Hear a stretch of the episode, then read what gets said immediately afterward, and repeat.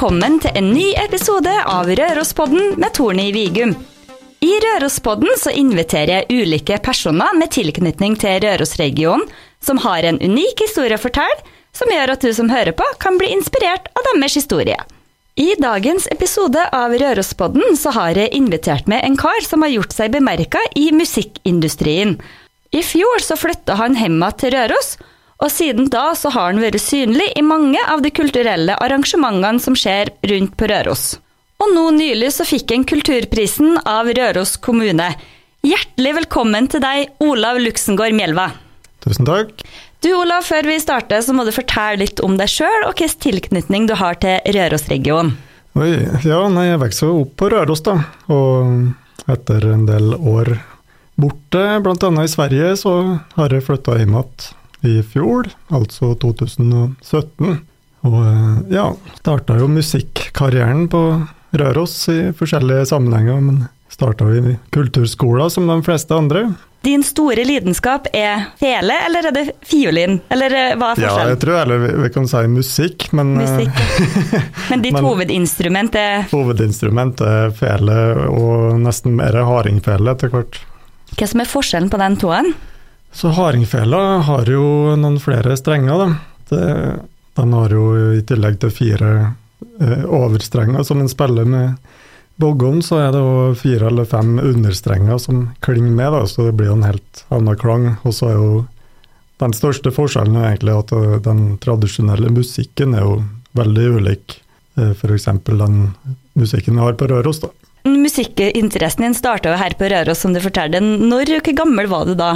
Ja, eh, det med interesse og når jeg starta, kanskje litt eh, to ulike ting. Men jeg fikk jo spørsmål når jeg var seks år. Da spurte mamma om jeg ville begynne på musikkskolen. Da fikk jeg valget mellom å spille fele eller keyboard. Og egentlig så visste jeg ikke så mye om hvem hva noen av delene var, men eh, jeg tror kanskje at jeg hadde litt mer lyst på keyboard egentlig, men så sa jeg vel fele, da, og da ble det det. Da begynte jeg i kulturskolen etter hvert, og gikk jo der 25 minutter hver uke. Ja. Det var, det var ikke akkurat noe høydepunkt, men det var veldig trivelige lærere. Så hvis en var flink og hadde gjort lekser, så fikk en jo stjerne i boka, da, som stjerneklistremerke. Så det var det som motiverte deg i starten, eller? Det var kanskje det, og så Det var ofte sånn, eh, i hvert fall da, det er kanskje nå, at, eh, at foreldrene starta å spille sammen med elevene. da, sånn at eh, Pappa var jo med og spilte litt fele, og han spilte jo fløyte fra før òg, sånn at jeg hadde vel litt eh, drahjelp i han da i starten. Så han òg spiller fele.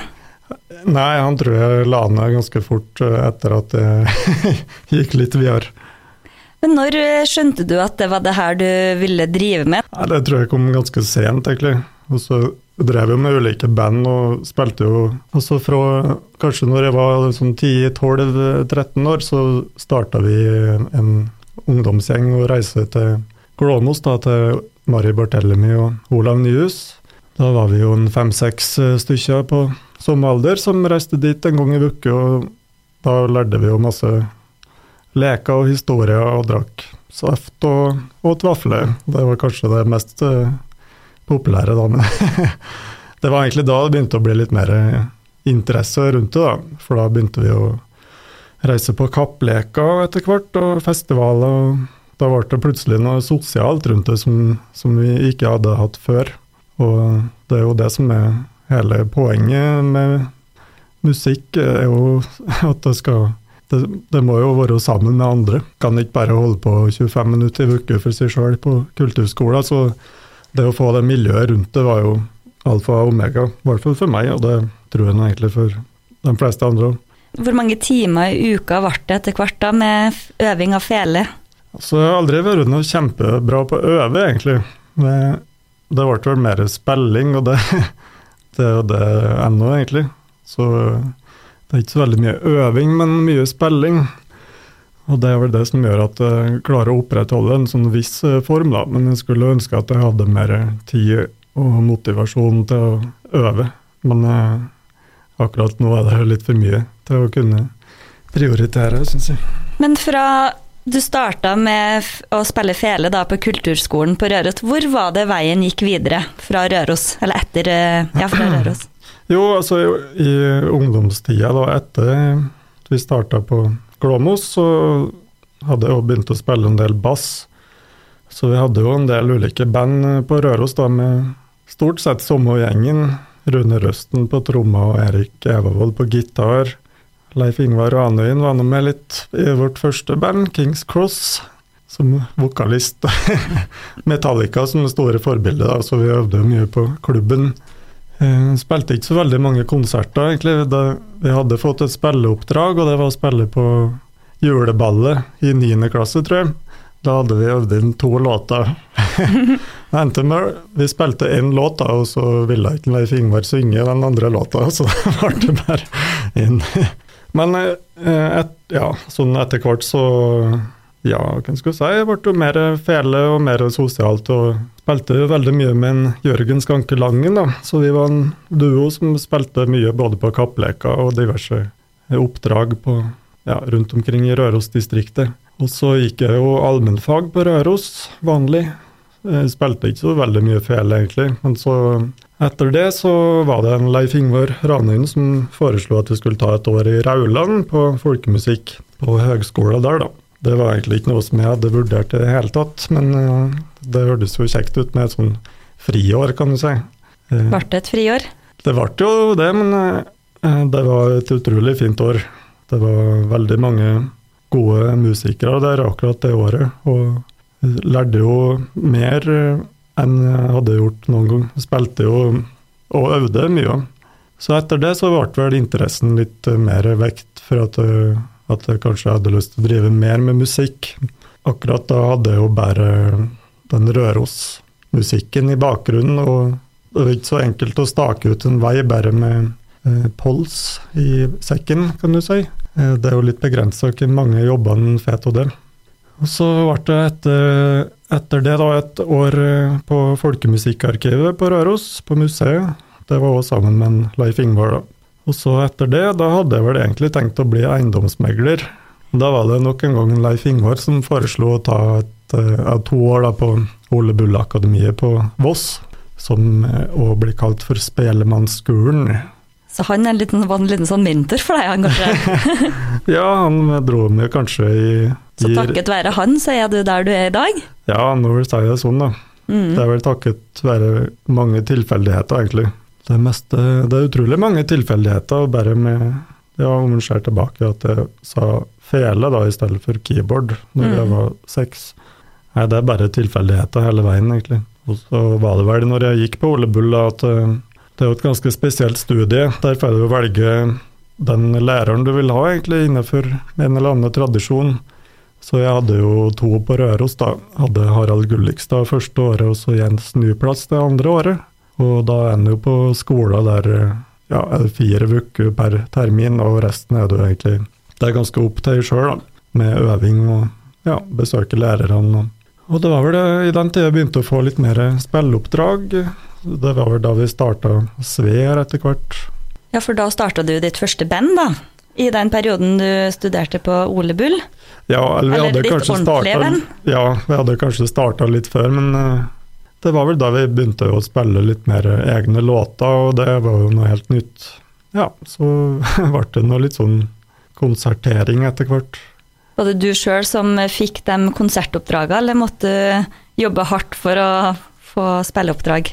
Det var ikke akkurat de største plassene vi spilte på, men vi, det var nå litt sånn gjennomkjent folk. Folkemusikkscene folkemusikkscener på Røros og i Hallingdal og på Voss, der vi hadde gått på folkemusikkscena der, og så litt på Oslo, nei, i Oslo på, gjennom folkemusikkscena der. og du starta i det, i det, små, men i dag, hvor mange band er det du spiller i dag, egentlig? Hovedsakelig så er det jo med Sver. Det er jo en kvintett da, med, med en Leif Ingvar Ranøyen ennå. vi var jo, vi starta jo som en duo, jeg og Leif Ingvar, og så fikk vi med oss en gitarist etter hvert. Og så ble det med to svensker. Og I dag så er det tre svensker og meg og Leif Ingvar, så vi er fem som vi skal til USA nå i januar. Du har jo vært i USA mange ganger før med Sver, har du ikke det?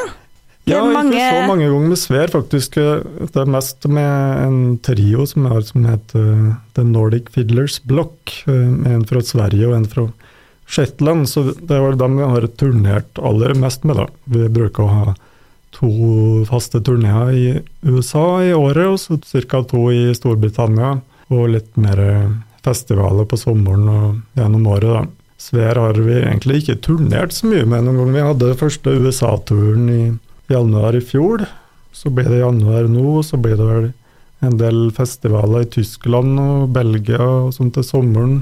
Og muligens en USA-turné til i september.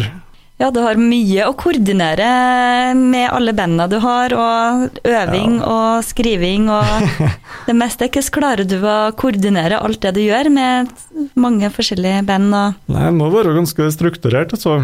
Det, jeg tror kanskje mange som ikke holder på med musikk, kan se litt på det fra utsida og tenke Da ser en kanskje bare den biten med at en stå, står på scenen og spiller, kanskje er i studio spille inn noen plater, men eh, for å være ærlig så er det kanskje den minste delen av det jeg gjør. For at eh, det er jo som at du har en bedrift da, som skal egentlig kunne veldig mye. For i en del vanlige bedrifter så har du jo ulike folk til å drive PR og økonomi, ja, eh, framdriftsplan, mens her må du jo egentlig gjøre alt sjøl. Logistikk og Men var det drømmen din når du var mindre å bli musiker? Å leve, leve, av det å, å spille? Nei. Nei, det kan jeg aldri komme på at det har vært. Det er nok litt eh, Nei, det er tilfeldig også. Ganske tilfeldig. Men du er glad for å holde på med det nå? Veldig glad for å holde på med det nå, ja. Det, det er jo ganske fantastisk. En får jo virkelig reist rundt og spille for mye folk, og, og ikke minst å jobbe kreativt. Da. Både ja, sammen med andre og for seg sjøl. Men når begynte denne karrieren din å ta av, da, hvis du kan eh, kalle det og så Etter eh, Ole Bull så begynte jeg å studere i Bø, på eh, kultur- og musikkadministrasjon på høgskolen der. Og det var da jeg fikk en telefon fra Aud Selbo i vinterfestspillene på Røros om jeg hadde lyst til å ta over der. Det kom jo helt ut ifra det blå. hadde, hadde aldri tenkt på i det hele tatt å ta over en festival. og i hvert fall ikke en eh, klassisk festival. Men så sa jeg nå ja, da, for at eh, det hørtes ut som en bra utfordring. Og det var det nå virkelig òg. Det var ganske tøft å komme inn der. Da var jeg jo 23 da når jeg tok over etter Aud. Og heldigvis så var det jo veldig mye hjelp å få i både hun og Kari Klugge og en del som hadde vært med tidligere. Det var bratt læringskurve, ja. Hvor lang tid tar det å planlegge en sånn festival? Så det går jo, går jo gjennom hele året i ulike støt. Og så etter festivalen, den vinterfestspillet er jo i mars, så ganske jevnt etter det så er en jo i gang med regnskapet og sånn da, etter festivalen. Men så er det jo i gang med en gang etter det å skrive søknader og hente inn sponsoravtaler for neste års festival. og så men der er det jo heldigvis et kunstnerisk råd da, som står for bookinga. Så det hadde jeg ingenting med, egentlig. Men, eh, er det et av de kuleste arrangementene du har vært med på? ja, det kan du vel si. Det er jo en utrolig fin festival, da. Bortsett fra vinterfestspillene, hva var det du husker best av fra det å stå på scenen? Er det noen spesiell konsert som du husker bedre enn andre? Det var jo en del artige i, i 2007-2008. Da var det jo med i Vømlingene.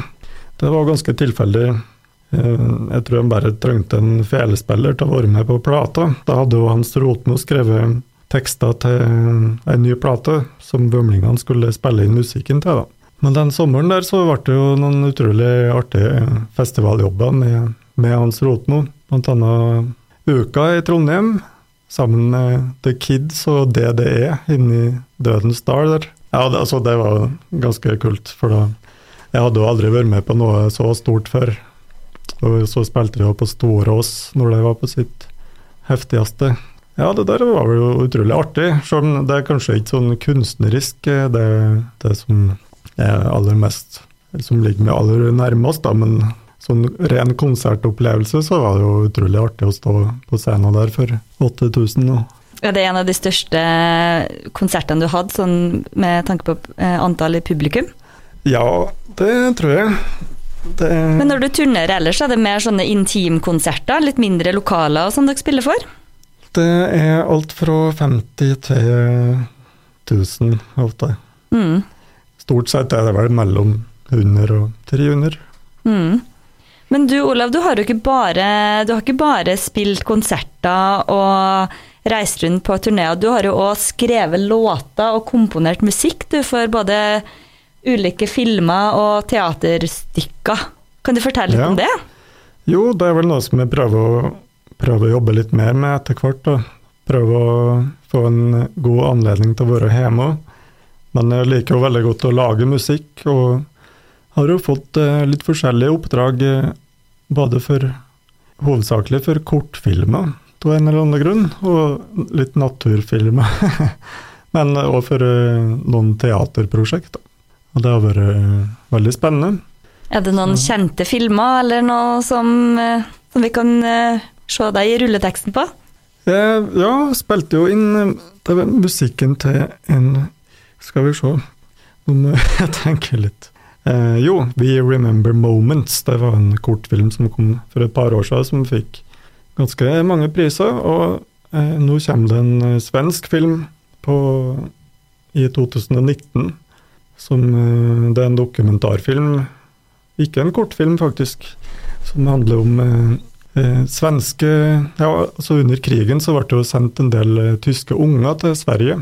Og det her er som dypere intervju med fem av dem som begynner å bli ganske gamle nå, da. Men eh, det er spennende å lage musikk til litt eh, ulike stiler og stemninger. Nei, så jeg har tenkt å prøve å satse litt mer på det, da, men akkurat den der verdenen der er litt det, Er det dem som tar kontakt med deg, da, eller er det du som er Ja. ute og sår frø i miljøet? Nei, altså Jeg har eh, liksom ikke så mange å kontakte akkurat innenfor den bransjen, så det der blir mer på forespørsel, ja. Så Mm. da, du blir rett og slett headhunta, da? Ja, det kan du vel si, men det, jeg sier jo mer at jeg blir spurt, da. Du kan si at du blir headhunta, vet du, Ja. Olav. Du, nå spørre, hvor mange feler er du har? Eller er ganske mange, altså. Har du én fele til hver uh, sitt bruk? Ja, egentlig. Jeg har jo ei vanlig fele som jeg bruker mest, og så jeg hardingfele som jeg bruker mest, og så har jeg jo eh, Skal vi se Har jo sikkert en tre-fire andre vanlige feler. Så har jeg sikkert en fire-fem eh, andre hardingfeler. Og en bratsj og en cello og en kontrabass og oktavfele og litt forskjellig. Men det er jo til hvert sitt bruk, da. Så det er jo ikke noe at jeg driver og drasser med alt det der rundt. Som regel så har jeg jo med ei fele og ei hardingfele, da. Du har jo òg vunnet flere priser opp igjennom, annet Spellemannsprisen. To Ja. stykker, har du, to ganger har du vunnet den. Ja. Hvordan var det å bli utkåra som vinner av Spellemannsprisen? Nei, det, det var jo utrolig stort, da. Det, den første var jo og den største. Det var jo for min egen soloplate som jeg ga ut i 2009. Er det, er det enhver musikers drøm å kunne å motta en sånn Spellemannspris? Ikke, altså Det er jo noen som leverer Spellemannprisen tilbake òg, så det er vel ikke alle sin store drøm. Men for de fleste så er jo det den ultimate hva skal jeg si, velsignelsen. At eh, da har du jo gjort noe som er forhåpentligvis best innenfor din sjanger det året, da. I hvert fall. Men sånn etter tida etter at du fikk eh, de her Spellemannsprisene, merka du noe forskjell, eh, at det var mange flere som tok kontakt med deg med spillejobber og sånn da? Ja, ja, faktisk. Jeg gjorde det. Spesielt på den første. da. Den andre var jo sammen med Unni Buksasp Ensemble, der jeg var med. Sånn at den var det vel mer hun som fikk eh, den største gleden av. Men eh, det merka jo mer etterspørsel etter den Spellemannprisen, ja. Så eh, det hjelper med sånne eh, utmerkelser, og det er jo kanskje litt derfor de finnes òg, da. Men hvordan er det egentlig å, å leve av drømmen, eller leve av det å, å være musiker? Ja, det er veldig bra. Det er mange, mange sider av saken, da. Det blir jo så klart sånn at du er borte veldig mye. Eh, Norge er jo ganske lite land å turnere i, i hvert fall innenfor Klart om du spiller i Hellbillies, kanskje, så kan du turnere nok i Norge til at at du klarer på det. Da kan du få såpass bra betalt og spille på såpass mange plasser bare i Norge at eh, det går bra. Men for oss som driver en litt eh, smalere sjanger, så er Norge for lite, faktisk. Det er liksom eh, det er den faste runden. da, Når du slipper ei plate, så er det jo Oslo, Trondheim, Bergen, kanskje Tromsø. Så er det jo Røros, da, så klart. Kanskje en tur til Ål, Voss. Men da begynner det egentlig å bli stopp. Så da har du en del konserter utenlands òg, bl.a. USA, vet jeg, og som Ja. du nevnte tidligere. Og så hvilke andre land bruker du konserter i? Eh, Mye i Storbritannia, og litt i Tyskland og Belgia og Nederland. Hovedsakelig det. Litt i Danmark. Bitte litt i Finland. Hvor mange reisedøgn har du sånn cirka i året?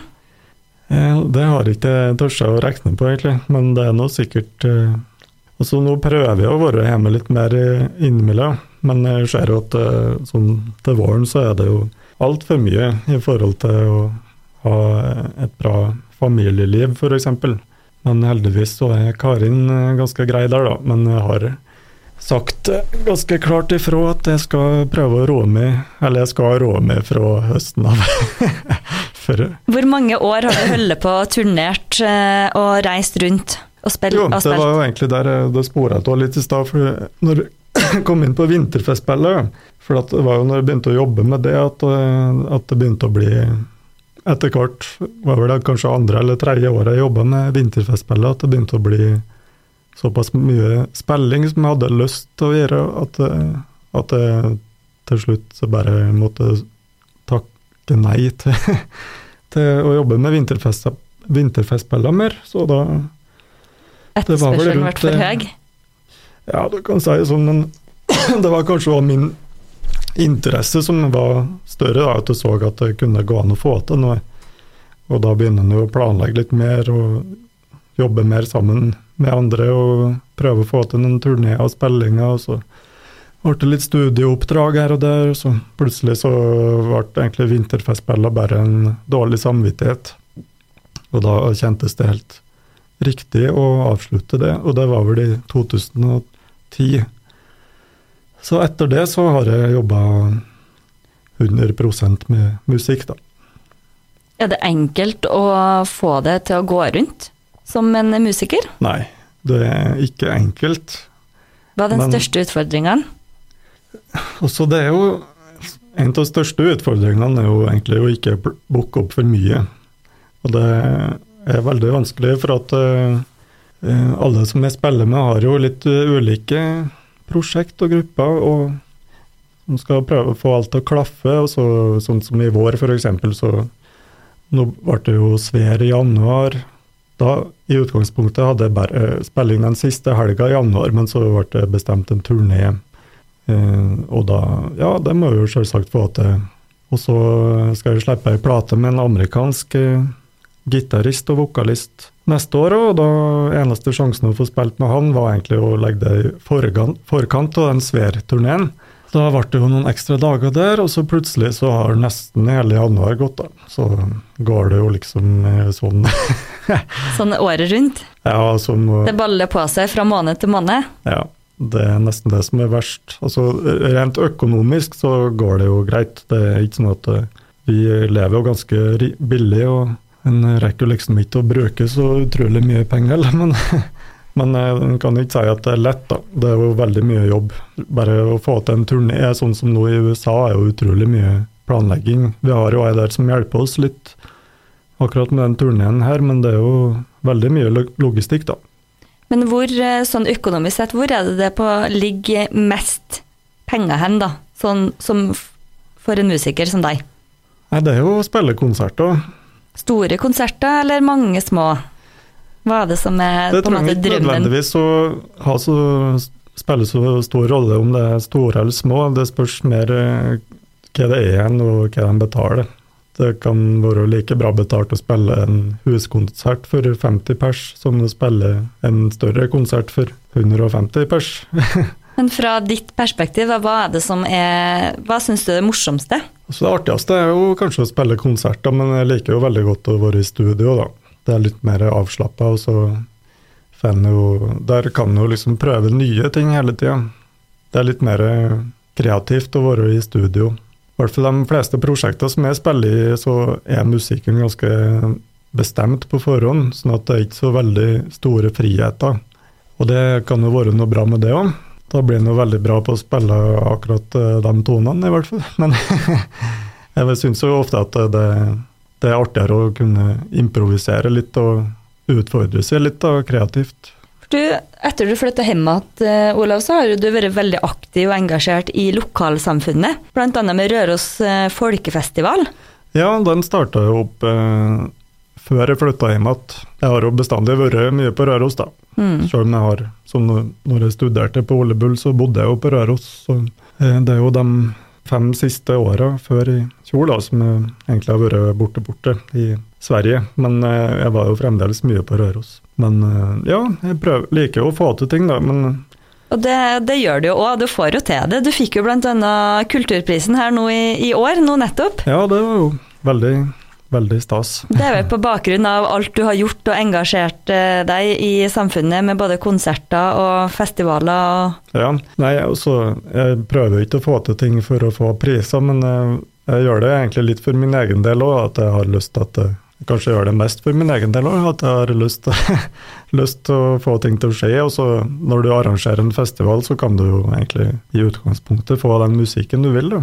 Har vi noe i vente, vi som eh, bor rundt omkring her på Røros? Er det noe ja, nytt og spennende på gang? Det er et veldig bra program neste år. Lanseres i februar. spennende. Eh, hvem er det som er ditt største forbilde, egentlig? Ja, det er et godt spørsmål. Altså, det har vært mange ulike forbilder både på ulik tid og samtidig, tror jeg. Akkurat når jeg begynte å interessere meg mest for felespill, da var det jo Da må jeg jo si at jeg så mye opp til Sven Nyhus, blant annet, da, som eh, har gjort eh, utrolig mye. Både for Rørosmusikken og for norsk folkemusikk generelt, egentlig. Ellers så har jo jeg har egentlig bestandig hørt veldig mye på annen musikk, ganske lite på folkemusikk, egentlig. Så jeg har jo bestandig hatt andre forbilder i andre sjangere. Men hvis du nå skal Det er jo sikkert mange som drømmer om å leve av musikk og bli musiker og, og artist. Mm. Har du noen, Hva er ditt eh, beste tips til dem? Beste tipset er vel å, å bare sette i gang noen ulike prosjekter. Og se om det funker. Og så, om det blir bra, så tror jeg at de fleste har en liten magefeeling på om det er noe å gå videre med. Men akkurat det å komme ut derifra, det, det kan jo være en veldig lang vei da, hvis du ikke tar Idol-ruta. Mm. men jeg tror på sikt at det er kanskje en mer langvarig vei å gå, den harde veien. da. Bygge opp eh, kontakter og et nettverk og musikere. Det tar tid, en må bare satse. Og så må en jobbe iherdig. Ja. Ha tålmodighet og være kreativ, egentlig. Du har jo familie nå, Olav, og du har jo brukt eh, mange år på turneer og reist eh, mye, mm. som du sa. Hvordan ser framtida di ut? Ja, det spør. Altså, jeg kommer jo til å fortsette å turnere, da. Det skjer ikke noen utvei fra med det aller første. Det er jo òg sånn dere Det her har jeg jobba så lenge for å få til, og det, vi er jo fremdeles ikke der vi så for oss at vi skulle være. Du kan jo bestandig komme lenger, få bedre betalte jobber og større plasser med mer publikum. Og, og selvsagt at du blir bedre til å spille, da. sånn at du blir aldri ferdig. Det, om jeg hadde stoppa å turnere nå, så hadde det jo kjentes som en skikkelig nedtur, egentlig. Når jeg har jobba så lenge for å bygge opp, bygge opp det som jeg har. Og det kjennes jo ikke som at det er langt ifra ferdig. Det er jo bare et lite steg på veien. Du har bare så vidt starta? Ja, men så spørs det jo selvsagt hvordan utnytter tida, og kanskje skal kutte ned litt på antall prosjekt og satse mer på færre prosjekt. Kan jo være en eh, bedre vei for å, for å nå lenger. Det blir jo litt sånn som jeg sa, at eh, ja, hvert band er jo sin egen bedrift, og det å håndtere fem ulike bedrifter, det er det vel ganske få som klarer. Men samtidig der det handler det om at en har lyst til å spille med ulike folk og spille ulik musikk.